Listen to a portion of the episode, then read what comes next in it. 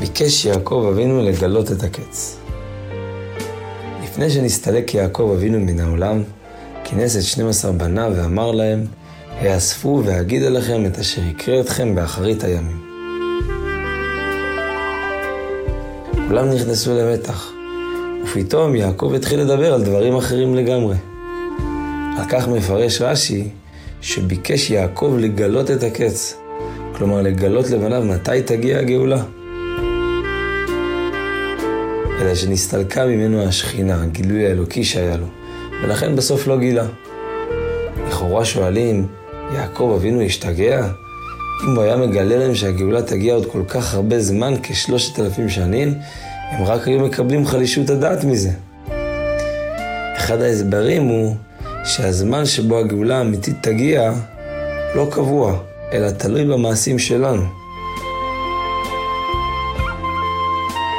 זה לא שאם לא נעשה כל מה שצריך, הגאולה לא תבוא חס ושלום, אלא פשוט שיש אפשרות לזרז את ביאתה.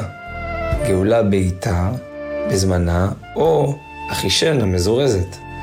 ועל פי כל הנתונים שהיו אז, הגאולה האמיתית והשלמה הייתה צריכה להיות ביציאת מצרים, שאחרי שהלכו לקבל את התורה בהר סיני, יגיעו מיד לארץ ישראל, ושם ייבנה בית המקדש הנצחי.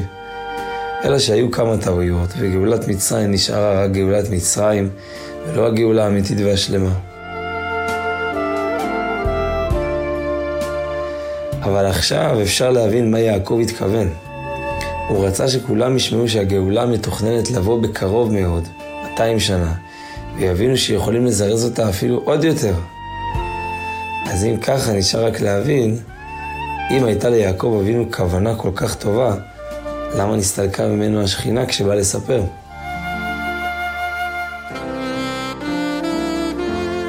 התשובה היא שייתכן אמנם שכולם היו משתדלים לעשות הרבה יותר מעשים טובים ולזרז את הגאולה, אבל היה בכך חיסרון.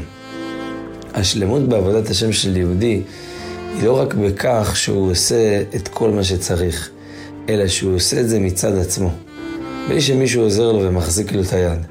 וכשזה שייך לו, זה עניין שלו, ולא רק כי ציוו עליו, זה הופך להיות דבר נצחי.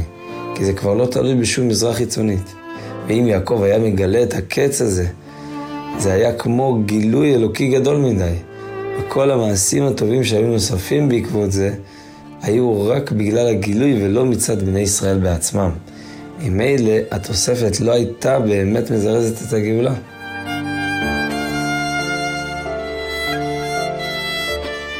בדורנו זכינו לשמוע מהרבי שדורנו הוא הדור האחרון לגלות והדור הראשון לגאולה. אנחנו אלה שנזכה לראות את זה.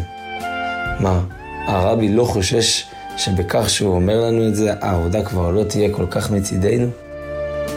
לא. מאחר שכבר סיימנו את העבודה. אנחנו כבר לא בשלב שמנסים להחיש את הגאולה, שייתנו אותה יותר מהר, אנחנו בשלב שמנסים לקבל את מה שכבר נתנו לנו. כי גם לקבל זה לא תמיד דבר פשוט. לפעמים מה שנותנים לא מצליחים לקבל.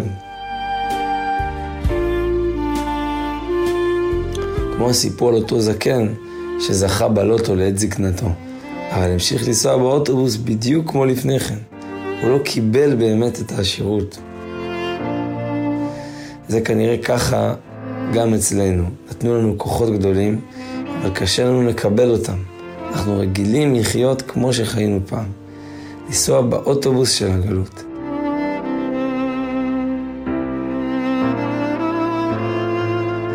וזה באמת מה שהרבי אמר, שהעבודה שלנו כעת היא רק לקבל מה שנתנו לנו, לקבל פני משיח.